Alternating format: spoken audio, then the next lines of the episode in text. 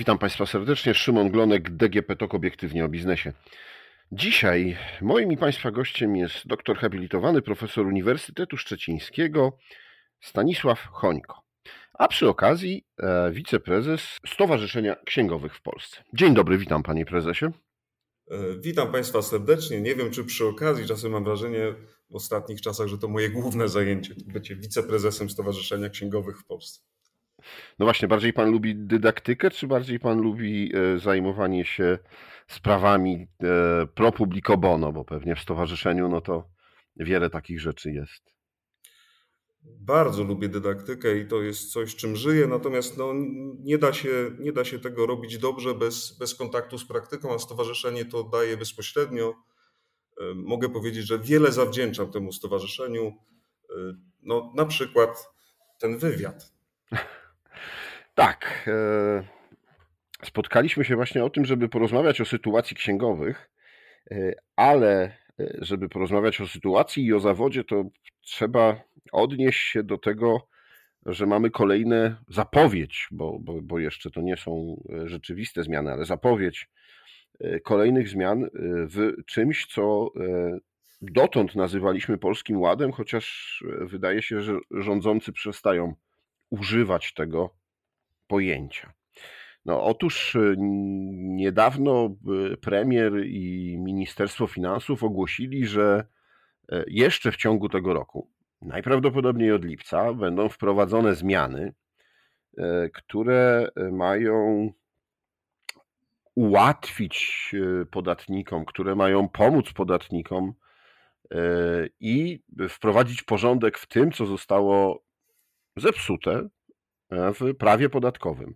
No, powiedzmy tutaj od razu, że nie można wprowadzać w ciągu roku podatkowego zmian, które byłyby niekorzystne dla, e, dla podatnika.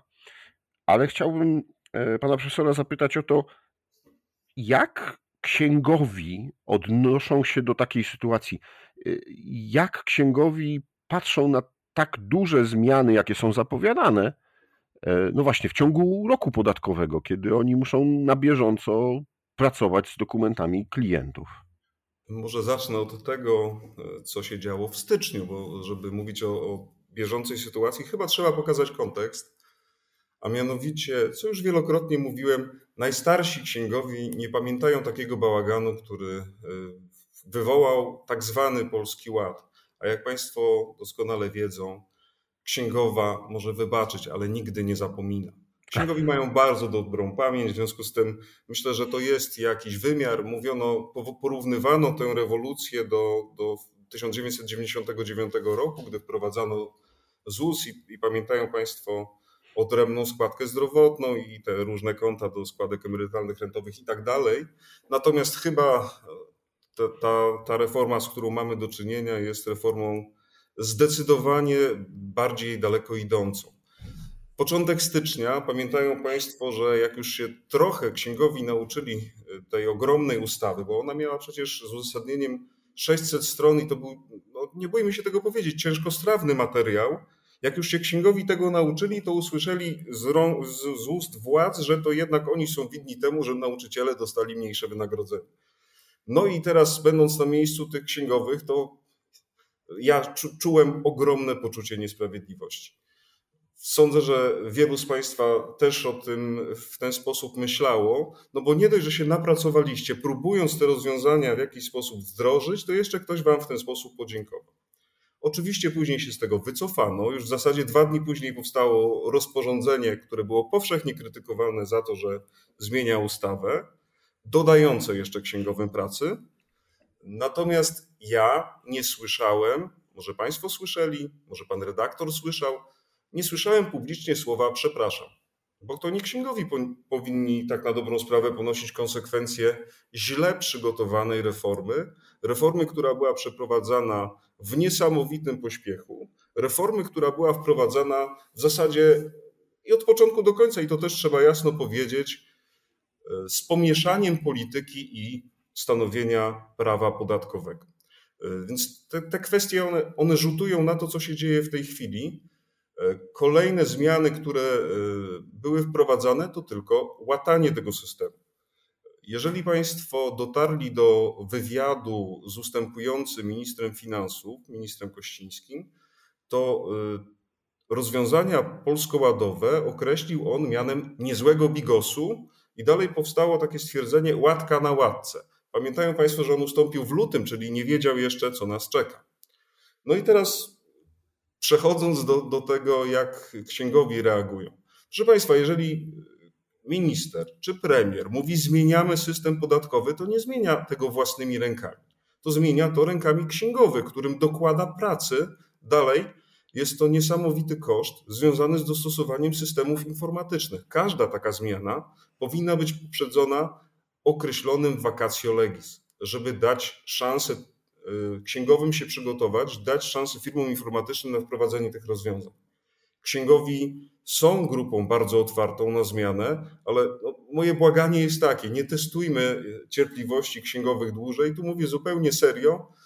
Wpływają już do nas zapytania o to, czy organizujemy jakąś, jako stowarzyszenie jakąś pomoc psychologiczną dla, dla księgowych. Bo wiele osób, które już mogą z tego zawodu, to odchodzą nie chcąc się uczyć tych rozwiązań. Natomiast z drugiej strony jest ogromny popyt na księgowych, bo wszyscy widzą, że że sprawa jest wysoce wymagająca e, niesamowitej wiedzy merytorycznej, no i nie boimy się tego powiedzieć, odporności psychicznej. Przechodząc już do pytania dotyczącego tych zmian, które, które nas czekają. Proszę Państwa, tu odrobina poezji. Chodzi mi po głowie e, taki wiersz Cypriana Kamila Norwida, Moja piosenka 2. Na pewno Państwo kojarzą, zaczyna się od słów do kraju tego, gdzie kruszynę chleba podnoszą z ziemi przez uszanowanie dla darów nieba, tęskno mi Pani. Jedna ze zwrotek jest taka. Do tych, co mają tak za tak, nie za nie, bez światło cienia. Tęskno mi Panie. Dlaczego o tym mówię? Bo jak czytam uzasadnienie zmiany ustawy polskoładowej, to początek jest taki – że te zmiany wynikają z chęci zapewnienia, uwaga, trwałości, spójności i przejrzystości rozwiązań podatkowych. Dalej jest mowa o ulepszeniu i uproszczeniu systemu podatkowego. A następnie jest mowa o tym, że po to te regulacje są wprowadzone, żeby zapewnić stabilność systemu podatkowego na kolejne lata.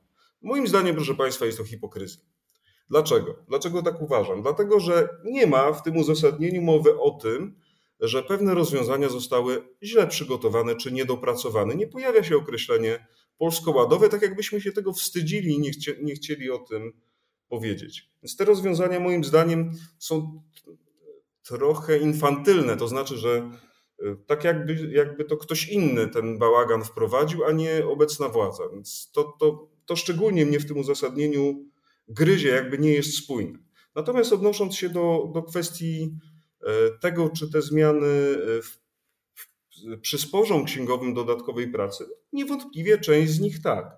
Na przykład ta zmiana, która e, mówi o tym, że dany pracownik będzie mógł dzielić tę jedną dwunastą kwoty zmniejszającej podatek między aż trzech płatników, na przykład pracodawców. Więc jestem ciekaw, jak to będzie, w jaki sposób będzie to weryfikowane, czy kto będzie musiał tłumaczyć pracownikom, na czym to polega? Czy jednemu, czy dwóm? Bo, bo, bo tam są kwoty z góry określone. Czy, czy trzem pracodawcom będzie ta kwota rozliczana i wówczas po 100 zł miesięcznie? Więc wrócę tylko do jednej kwestii. W uzasadnieniu ustawy polsko-ładowej, tej z października, jasno mówiono o tym, jakie są założenia tej reformy. I te założenia były dwa i o nich też się trochę za cicho mówi. Pierwsze założenie było takie, że po pandemii w służbie zdrowia powstała ogromna wyrwa w budżecie, więc trzeba ją zapełnić. Czym ją zapełnić? Zwiększoną składką zdrowotną, która dziś skrała się podatkiem. To jest jedna rzecz. Druga rzecz to tak zwane likwidacja tak zwanego klina podatkowego, co mógłbym określić mechanizmem Janosika. To znaczy, trzeba zabrać bogatym i dać biednym. To założenie moim zdaniem jest z gruntu nierealistyczne, dlatego że tych bogatych, którym się zabierze, jest zbyt mało, żeby obdarować tych biednych. Więc podsumowując ten wątek, e, księgowi będą mieli ogromnie dużo więcej obowiązków. E, czas, który został w tej nowej wersji polsko-ładowej dany na konsultacje wynosi 10 dni, a zmiana miałaby wejść, jak Państwo wiedzą, już od lipca. Więc powstaje pytanie, skąd ten pośpiech i nie chciałbym na to pytanie publicznie odpowiadać. Panie prezesie, wracając do wątku, który pan poruszył, to y, chyba powiem, że y, politycy nie przepraszają, politycy mówią, że źle zostali zrozumiani. E, I ja chyba też, tym razem. Ja, ja też... bym nie chciał być źle zrozumiany, ale wydaje mi się, że księgowym po prostu należy się słowo przepraszam, bo cały ciężar tej reformy prędzej czy później na księgowych spocznie. Myślę, że księgowi już o Polskim Ładzie rozmawiali przed świętami Bożego Narodzenia i ten wątek pojawiał się non-stop. Ile, ilu osobom księgowi tłumaczyli, czy wybrać ulgę dla klasy średniej, czy nie wybrać, a teraz będą musieli wytłumaczyć, że ulga e, dla klasy średniej jest w świętej pamięci. Tak. E, no i tutaj trochę bym e, wrócił do takiego pytania, które też często myślę, że pojawiło się od początku roku, kiedy wszyscy usłyszeliśmy, jak to księgowi nie znają się na swojej pracy. Kim jest księgowy? w Polsce co trzeba umieć, jakie studia skończyć, e, jakie mieć certyfikaty, żeby móc wykonywać ten trudny i odpowiedzialny bardzo zawód? Odpowiem może w ten sposób. Wymagania i odpowiedzialność księgowych ciągle rośnie. Oczekuje się E, od księgowych nie tylko wiedzy merytorycznej, ale również szeregu kompetencji miękkich, to znaczy, żeby te trudne sprawy księgowe tłumaczył na język, który zrozumie przedsiębiorca.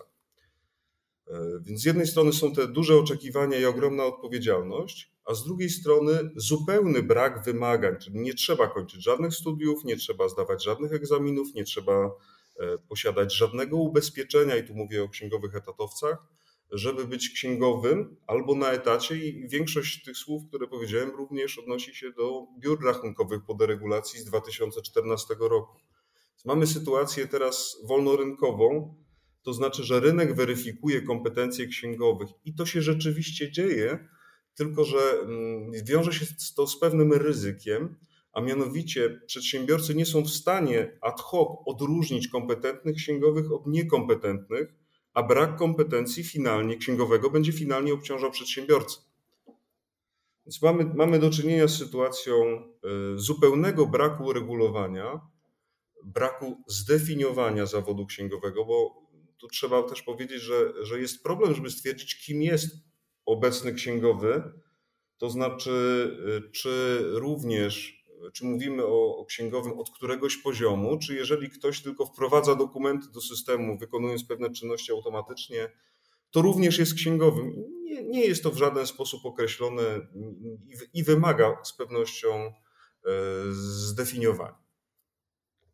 No i nad tą definicją, e, czy nad tym, żeby ustalić e, reguły pracy księgowego, reguły tego zawodu, pochyliło się Ministerstwo Finansów i zaprosiło w połowie lutego e, wykonujących ten zawód, ale chyba też no, przedsiębiorców do takich prekonsultacji. Czym one są? Co, co, co one mają, do, do czego mają doprowadzić te prekonsultacje? Wyszedłbym od tego, że cieszymy się, jak mówię tutaj w liczbie mnogiej, jako Stowarzyszenie Księgowych w Polsce, że e, taka inicjatywa ze strony Ministerstwa Finansów w końcu ujrzała światło dzienne. Mówię w końcu, dlatego że stowarzyszenie od lat, i to już chyba można liczyć w dziesiątkach lat, apelowało o to, żeby tym tematem się zająć. E, może powiem dlaczego. Dlatego, że tak jak mówiłem chwilę temu, ta odpowiedzialność wobec księgowych e, wciąż rośnie i Myślę, że w społeczeństwie może mm, dojść do takiego rozdwojenia jaźni, że z jednej strony jest to trudny zawód wymagający ogromnych kompetencji, a z drugiej strony nie tworzy się żadnych warunków wejścia, czyli nie trzeba spełnić żadnych warunków, żeby zostać księgowym. Ministerstwo Finansów odniosło się do, do swoich badań, które przeprowadziło w 2019 roku a dotyczyły one konsekwencji zderegulowania y, z obszaru usługowego prowadzenia ksiąg w 2014 roku I tam jednym z wniosków było to, że nie wszystkie założenia tej reformy udało się zrealizować. I to było inspiracją do tego, żeby do tego tematu w ogóle powrócić. Dokument jest dokumentem wstępnym, prekonsultacyjny. W nim znajdą Państwo takie trzy możliwe scenariusze. To znaczy, taką pierwsza opcja to uregulowanie tego zawodu. Powiedziałbym, że jest to opcja taka najbardziej sztywna i dość fundamentalna, gdzie docelowo mogłaby powstać ustawa o zawodzie księgowego. Pewnie w ślad za tym musiałby powstać samorząd, a część czynności byłaby bo, bo mówię część, dlatego że nie wszystkie tam z, z, w tym dokumencie dyskusyjnym kwestie są rozstrzygnięte, bo, bo, na przykład nie wiadomo, czy, czy to uregulowanie miałoby dotyczyć na przykład tylko osób, które podpisują sprawozdania finansowe, czy wszystkich księgowych. W jakim stopniu miałoby to dotknąć również usługowego prowadzenia ksiąg, ale co chcę powiedzieć, to uregulowanie miałoby charakter obowiązkowy. I to jest taka kwestia fundamentalna. Druga opcja przedstawiona przez ministerstwo to opcja dobrowolnej certyfikacji, która jest określona jako profesjonalizacja. I też jest tam szereg kwestii otwartych, na które myślę, że e, warto odpowiedzieć. Natomiast opcja trzecia, co w zasadzie e, stanowiłaby konserwację obecnego rozwiązania, więc skoro, skoro to rozwiązanie miało jakieś założenia, to może zdaniem księgowych się sprawdza i ministerstwo dało czas do końca maja na na to, żeby udzielić odpowiedzi. I jak mam okazję się wypowiadać, to generalnie czy bardzo proszę księgowych, żeby kontaktowali się bezpośrednio z ministerstwem, chociaż uważam, że czas mamy wybitnie zły na, na tego typu dyskusje, ale kiedyś taki czas musiał nastać.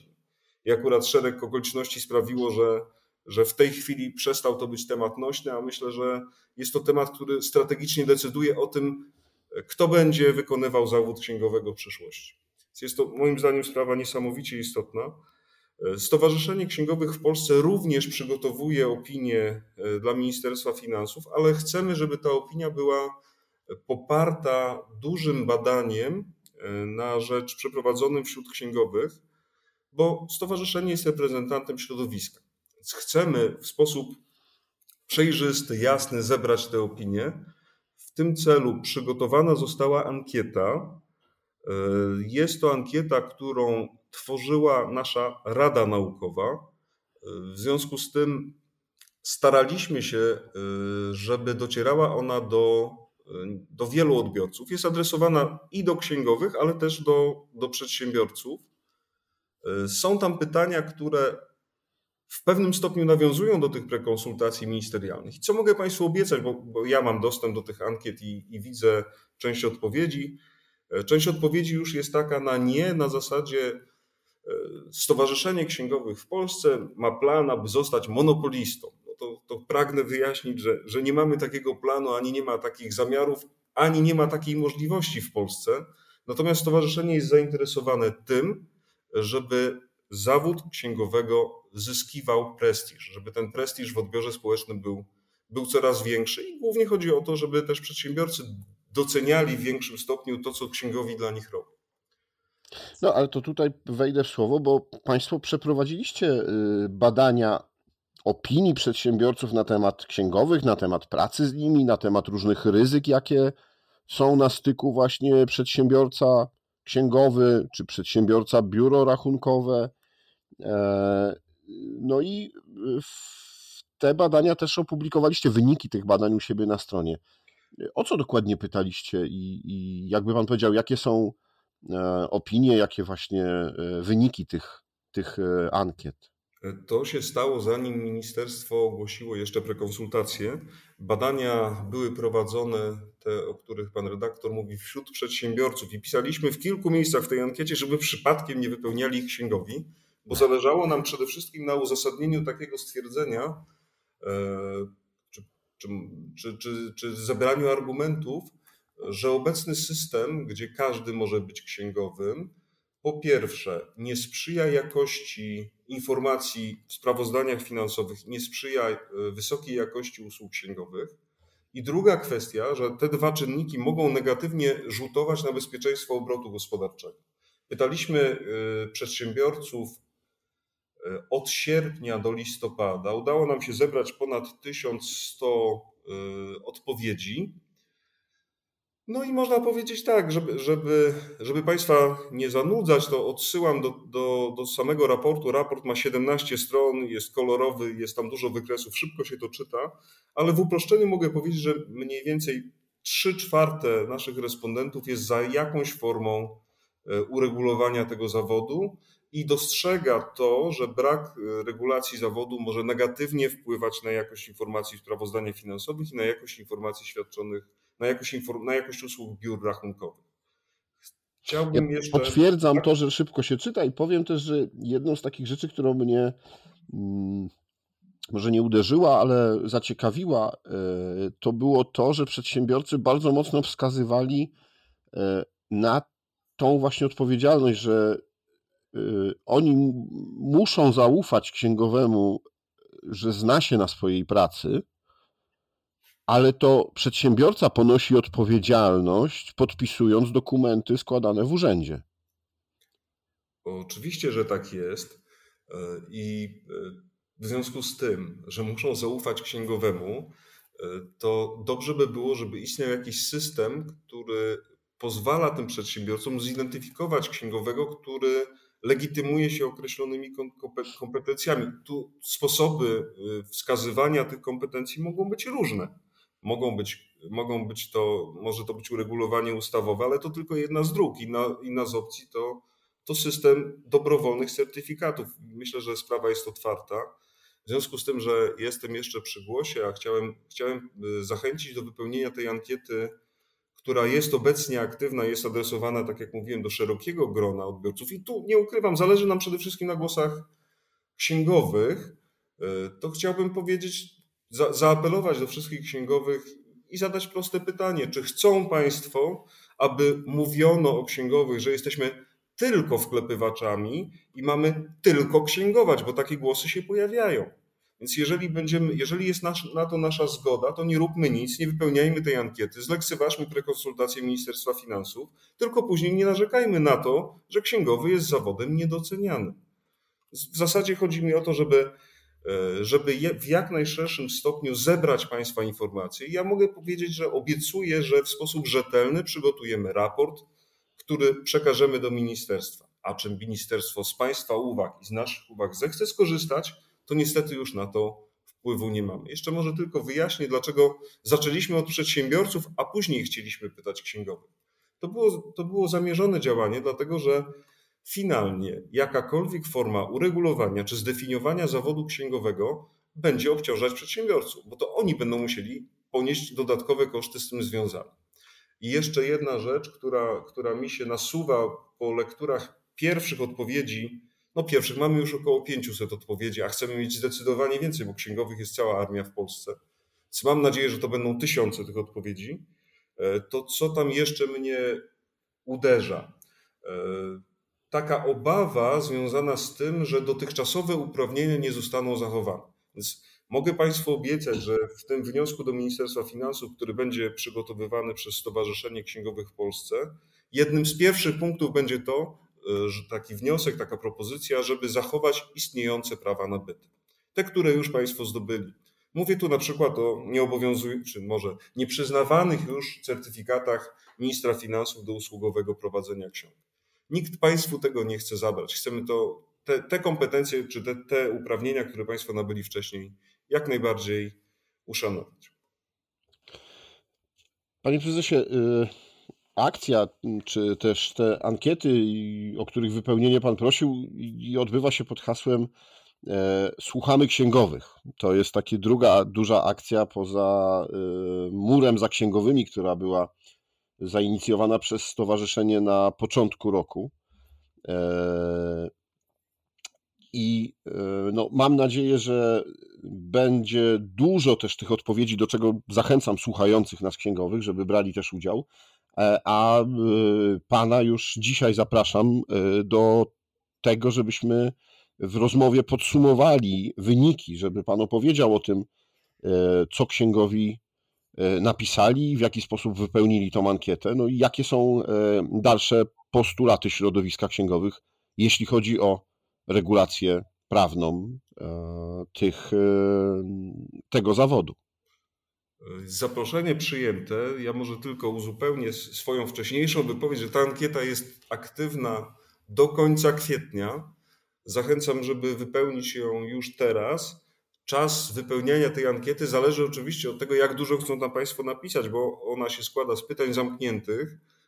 I jeżeli chcielibyśmy tylko zaznaczyć te odpowiedzi zamknięte, no to jest to 5 do 6 minut, w zależności od tego, jak, tam, jak się Państwo skupią nad tym. Natomiast widzę, że część osób naprawdę du, dużo czasu poświęca na wypełnienie części otwartej, a ja to wszystko czytam i, i wszystkie te argumenty przyjmuję, natomiast widzę już, że będzie problem, żeby, żeby z tego zbudować jakąś jedną spójną opinię, bo, bo są te opinie nieraz, nieraz skrajne. No dobrze, myślę, że wszyscy są, wszyscy są ciekawi, nie tylko księgowi, ale też i, i przedsiębiorcy, ale też i pracownicy, którzy w swoich e, zakładach pracy spotykają się czasami właśnie czy z, z księgowymi. E, więc na pewno, na pewno też e, będą zainteresowani wysłuchaniem tej opinii. Dziękuję panu bardzo za rozmowę. Ja Moim również... Państwa gościem był pan profesor e, Uniwersytetu Śląskiego Stanisław Chońko, wiceprezes Stowarzyszenia Księgowych w Polsce. Dziękuję bardzo. Tylko szczecińskiego, ale kto wie, może, może na Śląsku też kiedyś będę popularny. Oby. Tego panu życzę. Przepraszam za przejęzyczenie. Rzeczywiście Uniwersytetu Szczecińskiego. Pozdrawiam wszystkich znajomych i wszystkich naszych słuchaczy ze Szczecina. Bardzo dziękuję w imieniu Szczecina i w imieniu własnym. Miłego słuchania.